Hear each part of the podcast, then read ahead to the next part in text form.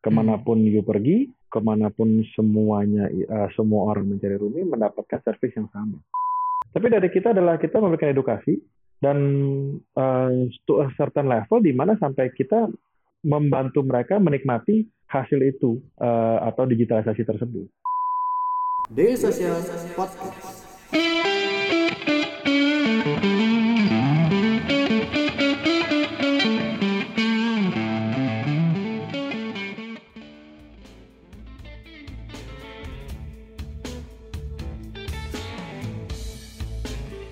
Selamat malam semuanya, kembali lagi di Selasa Startup bersama saya Ilham Sanjaya, moderator kesayangan kalian yang udah lama nih nggak menjadi moderator di Selasa Startup. Tapi malam hari ini sangat spesial, kita sudah kedatangan Mas Winoto Hartanto. Selamat malam Mas. Malam, malam. Yang merupakan uh, eh, CEO dan juga co-founder dari Rumit. Uh, malam hari ini tema kita adalah Live the Life of Co-Living, How they reinvent the industry. Nah, ini kalau misalkan ngomongin tentang ekosistem dari uh, co-living dan juga boarding house management nih ya Mas Winoto ya. Uh, mungkin kalau misalkan dulu kita ngelihat masih serba manual dan belum ada sentuhan digital apa pun termasuk misalkan dalam mencari-mencari kosan.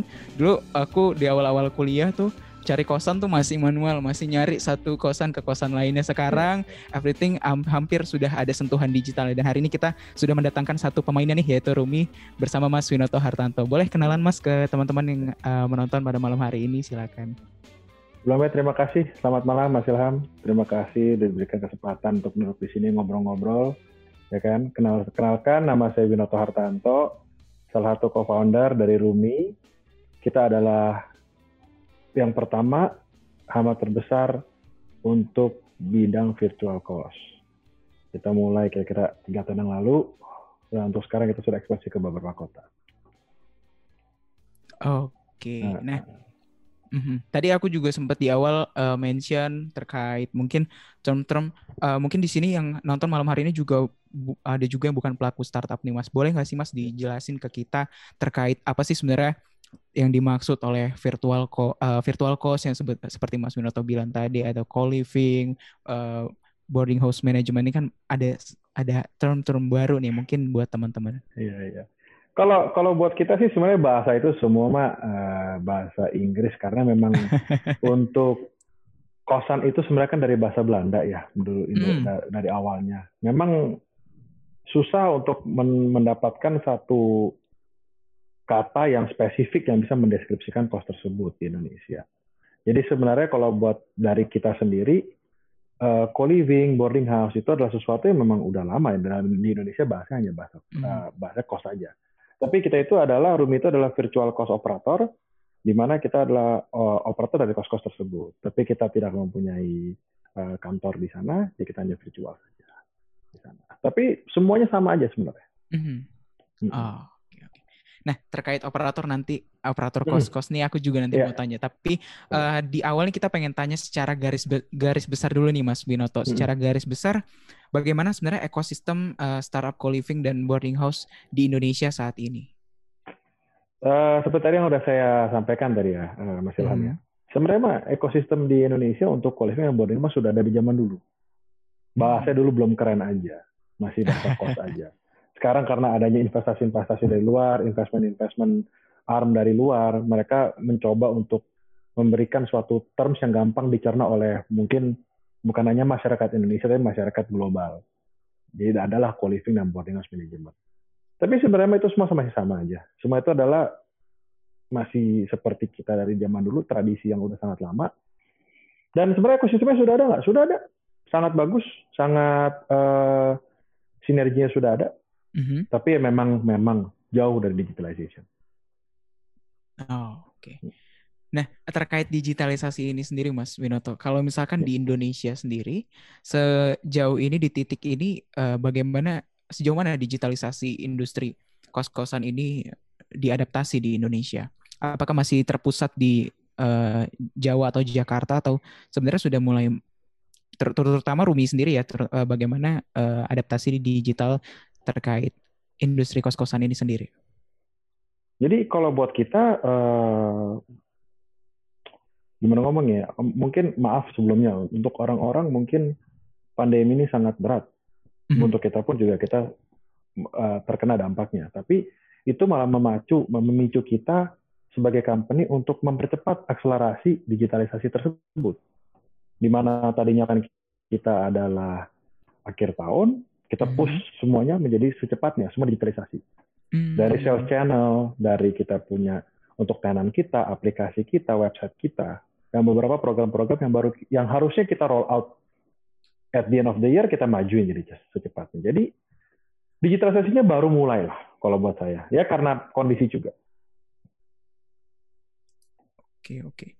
Tapi kalau untuk Rumi sendiri, uh, layanannya sendiri di Indonesia sudah bisa di, digunakan di daerah mana saja mas atau masih terpusat di di, di kota-kota tertentu kah? Kita di Jabodetabek sudah ada ya mas. Mm -hmm. Kita udah ekspansi di Jabodetabek dari tahun lalu, udah ya kan. Tahun ini masa pandemi, again karena kita ngerasa perlunya digitalisasi, itu membuat kita sebenarnya menjadi ekspansi ke Bandung dan Jogja. Ah. Pada tahun ini. Tuh kalau uh, kalau misalkan berbicara tentang uh, Rumi sendiri nih Mas, kalau waktu waktu Mas Winoto dan co-founder lainnya ingin membangun Rumi gitu. Apa apa potensi apa yang dilihat dari industri ini sendiri dan juga potensi apa yang dilihat dari uh, ekosistem dan juga bisnis dari Rumi ini sendiri Mas waktu itu? Jadi uh, kita mulainya itu sama seperti uh, Mas Ilham ya, nggak jauh beda ya. Dulu kita hmm. kerja waktu kerja itu banyak ngobrol sama teman-teman. Dan semua teman-teman banyak kan ya nggak ada yang tinggal di Jakarta. Maksudnya pusat Jakarta ya. Tinggal ada di di samping di luar Jakarta di mungkin jauh lah dari uh, uh, sentra bisnis distrik kita yaitu Sudirman dan Kuningan dan teman-temannya itu. Jadi dari hmm. sono saya melihat wah hampir semuanya menggunakan kos-kosan. Dan waktu saya tanya-tanya gimana sih? Kok kalian bisa sih what makes you factor the decision waktu mau pilih kos gitu kan. Dan seperti sama seperti yang Mas Ilham bicarakan, mereka itu semuanya jalan kaki, jalan kaki, nyari-nyari, habis kantor, atau mungkin weekend dipakai waktunya. Dan saya ngeliat, wah ini ada opportunity nih kita di sini nih. Teman-teman juga kita kita bilang, wah ini kok belum ada yang ini ya, belum ada yang melihat ke sektor ini gitu loh. Sayang sekali, padahal sektor sangat besar buat kita gitu. Nah dari situ kita ngerasa, wah ini ada opportunity nih kalau kita bisa menyatukan fragmented industry ini dan mem memperkecil inefisiensinya, wah pasti bisa jadi sesuatu banget nih buat kita.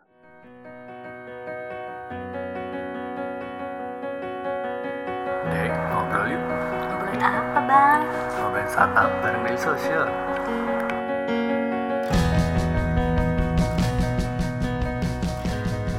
Daily Social Podcast. Tapi kalau uh, halo Mas, uh, iya, iya, halo. Ya, jelas, jelas. Tapi kalau misalkan dari awal dari awal berdirinya Rumi uh, hingga sekarang perkembangannya sudah sejauh mana Mas yang bisa diceritakan ke teman-teman nih dari awal dari awal berdiri sampai sekarang nih mungkin Mas Winoto lihat bagaimana banyak itu itu lama mungkin teman-teman uh, di sini kan mungkin banyak nih Mas teman-teman startup yang masih baru banget merintis pengen yeah. pengen tahu dari Rumi yeah. gimana sih pertumbuhan dan perkembangannya sejauh ini dari ya, awal kita, meniti karir? Kita juga sebenarnya masih baru sih. Kita juga baru, baru meniti, meniti ini semua baru tiga tahun kita. Aha. Di dunia startup tiga tahun mah kecil lah. Dibanding kita punya karya-karya anak bangsa kita yang lain kan udah lebih lama dan lebih hebat. Cuma kalau dari saya sendiri pengalaman kita teman-teman founder sama uh, di dalam Ruby ini adalah ya pertamanya Rumi set out dari intention yang baik mau membantu orang dan mau membuat hidup orang lebih nyaman. Dari sana hmm. ya kita sejak didalamin baru kita tahu kekurangannya apa, kelebihannya apa, apa yang harus diimprove, apa yang harus dikurangin. Dan banyak lah, banyak banyak banget uh, key point key point atau momen-momen tuh yang benar wah ini kita harus ini nih harus fokusnya ternyata ini salah gitu, pindah yang lebih benar. Tapi uh, sekarang aku mau bahas ini mas. Kalau misalkan uh, dari Rumi sendiri, apa sih mas yang membedakan uh, platform ataupun produk dan layanan yang dis, uh, disediakan oleh Rumi dibandingkan uh, mungkin startup-startup sejenis ataupun penyedia layanan uh, sejenis lainnya? Jadi mungkin di sini harus sedikit saya luruskan kali ya bahwa eh, teman-teman kita yang lain itu beda sama kita. Karena Oh. mereka itu lebih ke marketplace. Karena mereka lebih ke marketplace, eh, mereka tidak meng- memberikan layanan atau eh, memberikan service seperti kita. Jadi di Rumi itu sebenarnya operation kita itu target market itu dua. Satu Hmm. adalah cost owner, pemilik kos, dan satu lagi adalah yang tinggal di sana atau tenan kita panggilnya. Ya kan? Kalau dari tenan, dari sisi tenan yang memberikan bedanya kita sama yang lain adalah satu, gampang aja, standardized service. Ke mana pun you pergi, ke mana pun semuanya, eh, semua orang mencari Rumi mendapatkan service yang sama. WiFi, penting sekarang, penting banget nih sekarang lagi WFH. Penting banget. Hal yang Ah, utama sama- tuh. Mau banget. Dan nggak boleh putus-putus kan, apalagi semua orang WFH bandwidth turun. Betul. ya kan aduh jadi itu yang kita eh, pastikan standardize Eh, kamar mandi dalam pasti Mas Lam ngerti lah ada sebagian Ya. kos-kosan kamar mandi luar harus ngantri nunggu orang kan males banget tuh ya Aha. kita juga ada hmm, air panas TV dan eh, meja itu udah pasti di semua unit kita gitu untuk untuk dari tenannya tapi kalau Mhm. untuk cost owner se- seperti tadi saya jelaskan kita ada dua aspek kan in our uh, bisnis itu ada dua. Stakeholder tenan sama cost owner. Dari cost owner itu kita bedanya kalau join sama Rumi itu apa? Rumi memberikan dua uh, produk boleh dipilih oleh si owner. Satu kita ada menyediakan Rumi Management. Itu adalah end-to-end user journey untuk si cost owner. Jadi daily operation, service, maintenance, nyari penjaga kos, melatih penjaga kos, customer support, Mm-mm. dan payment collection itu semua Rumi yang handle. Oh. Jadi, Si pemilik cuma hanya duduk, diam, mungkin menikmati kopi dia, baca koran atau apa pun yang dia lakukan untuk sehari-hari itu, sambil nunggu eh, pembayaran dari Rumi. Gitu. Itu satu, satu produk kita. Tapi ada juga eh, owner-owner, cost owner, cost owner ini yang memang hidupnya di sana, gitu. Memang ya memang passionnya tuh di eh, ngurusin cost ini, gitu. Jadi di situlah kita memberikan suatu program yaitu nama, eh, suatu eh, eh, aplikasi namanya Rumi OS. Itu adalah aplikasi kita yang pertama untuk manajemen cost di Indonesia, di mana owner itu bisa langsung menggunakan aplikasi tersebut untuk menjalankan operasional sehari-harinya dia.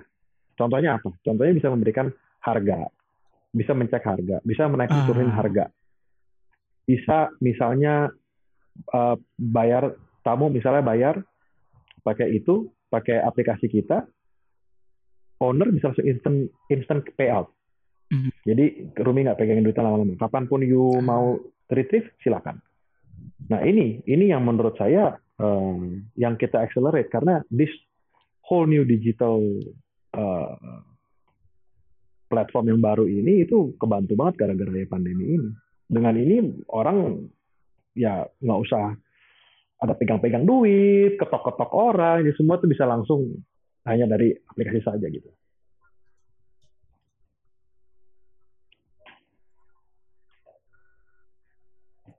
Oke, kalau yang aku tangkap untuk tenannya itu tadi ada standarisasi ya Mas ya. Betul. Untuk ada standarisasi dari eh, Rumi. Jadi ap- berarti itu menjadi standarisasi di seluruh eh, kos-kosan yang yang ini ya Mas ya, yang eh, meng- menggunakan produk dan layanan dari Rumi ya.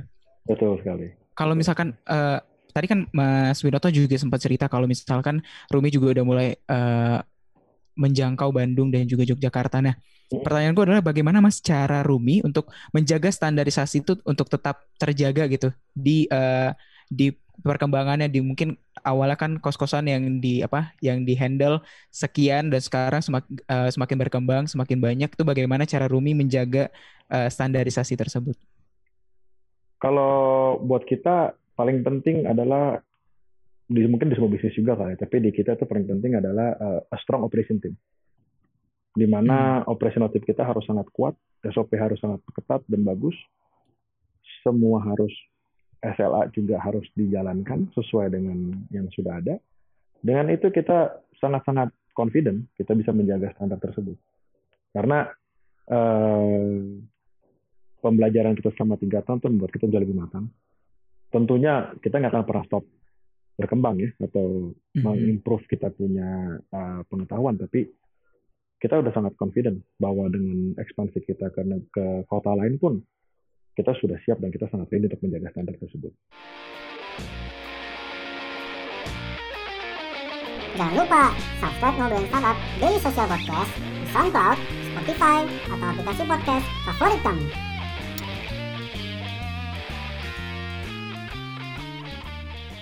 Oke. Tapi kalau uh, tadi itu kan dari dari segi tenan ya Mas ya. Kalau misalkan dari segi pemilik kosnya sendiri tadi ya. Mas uh, Winoto juga se udah sempat mention beberapa uh, bentuk atau aspek yang didigitalisasi dari pengelolaan kos tersebut. Jadi sampai si pemilik kosnya cukup duduk minum kopi lah ya istilahnya. Iya. iya. Untuk uh, ketika sudah mulai memanfaatkan platformnya. Tapi uh, boleh cerita nggak Mas bagaimana cara Rumi melakukan pendekatan ataupun melakukan edukasi terkait digitalisasi ini terhadap pemilik-pemilik kos tersebut? Kalau buat kita nggak ada yang nggak ada cara lain lagi selain kita memberikan edukasi ya, yang terus menerus dan improvisasi juga terhadap produk-produk yang kita punya. Mungkin kita punya satu konsep di awalnya begini. Ternyata waktu kita aplikasikan, waktu kita berikan edukasi kepada cost owner tersebut, mereka punya feedback. Oh, ini, ini kurang nih, ini kurang. Harusnya begini, harusnya begitu. Jadi kita juga dengarkan. Jadi buat kita itu jalan satu-satunya jalan terbaik adalah edukasi. Di mana kalau edukasi tersebut bisa jalan uh, two ways, dua arah, pasti mereka tidak akan mumpung menghadapi kesulitan dalam uh, mengaplikasikan atau menerapkan uh, teknologi tersebut. Oke, oke, oke.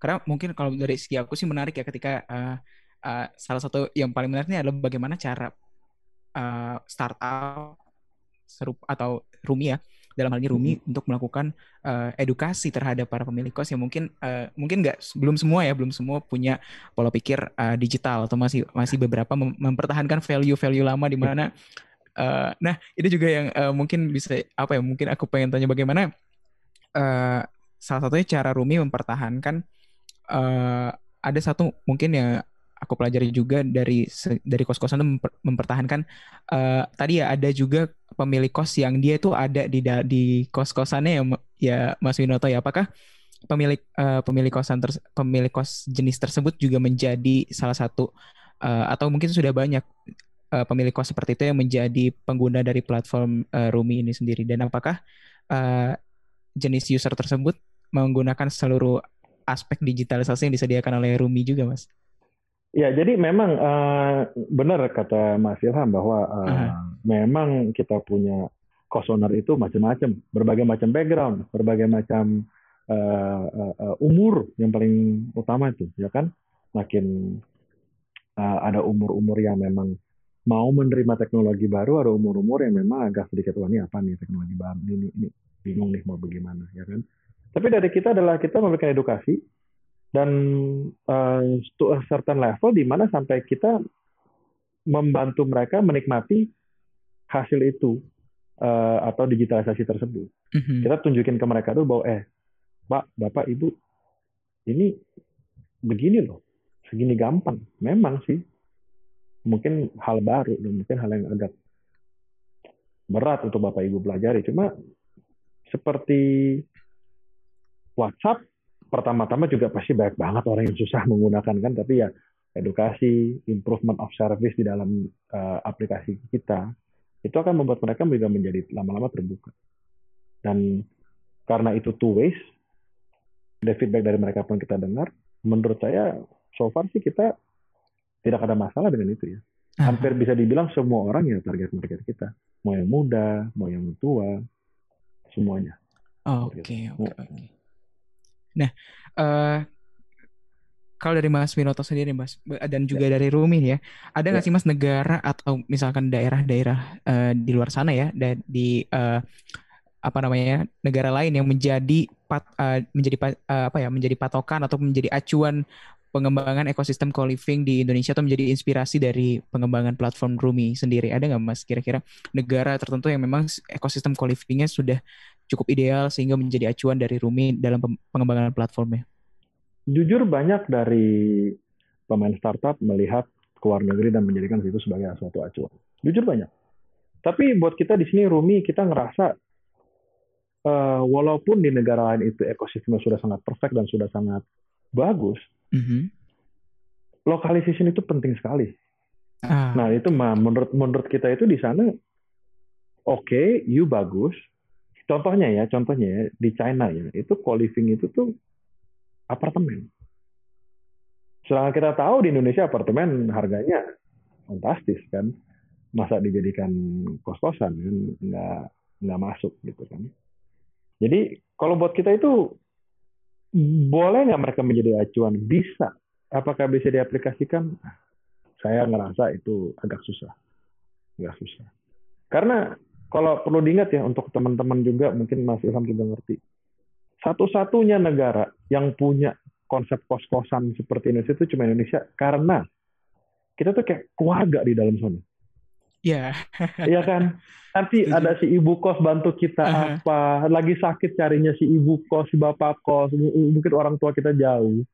Ya kan? Jadi kan itu itu nggak ada di tempat lain yang konsep penjaga kos yang bisa menjadi kayak uh-huh. macam ibu ibu ibu, tiri mungkin enggak ya replacement lah ya ya kan? Seperti sosok ibu ibu sendiri ya. Iya, iya. itu nggak ada, itu cuma ada di sini dan dan dan karena di Indonesia kan kita konsepnya kan kultur dan budaya kita kan sangat kental banget dengan keluarga. Mungkin hmm. negara lain nggak sama.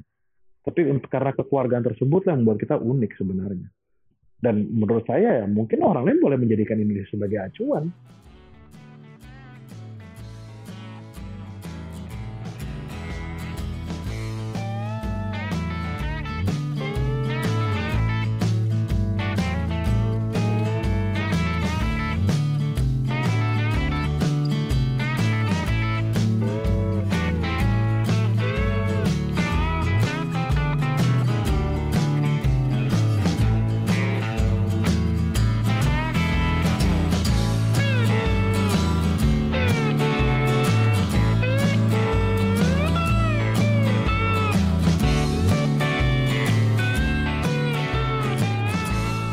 Keep in touch bersama kita di dailysocial.id untuk website kita.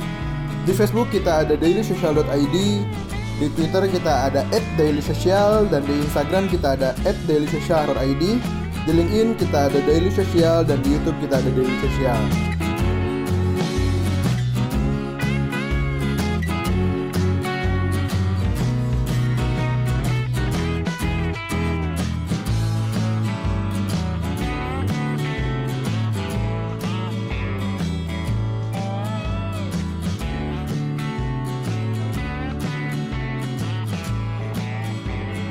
Daily Social Podcast.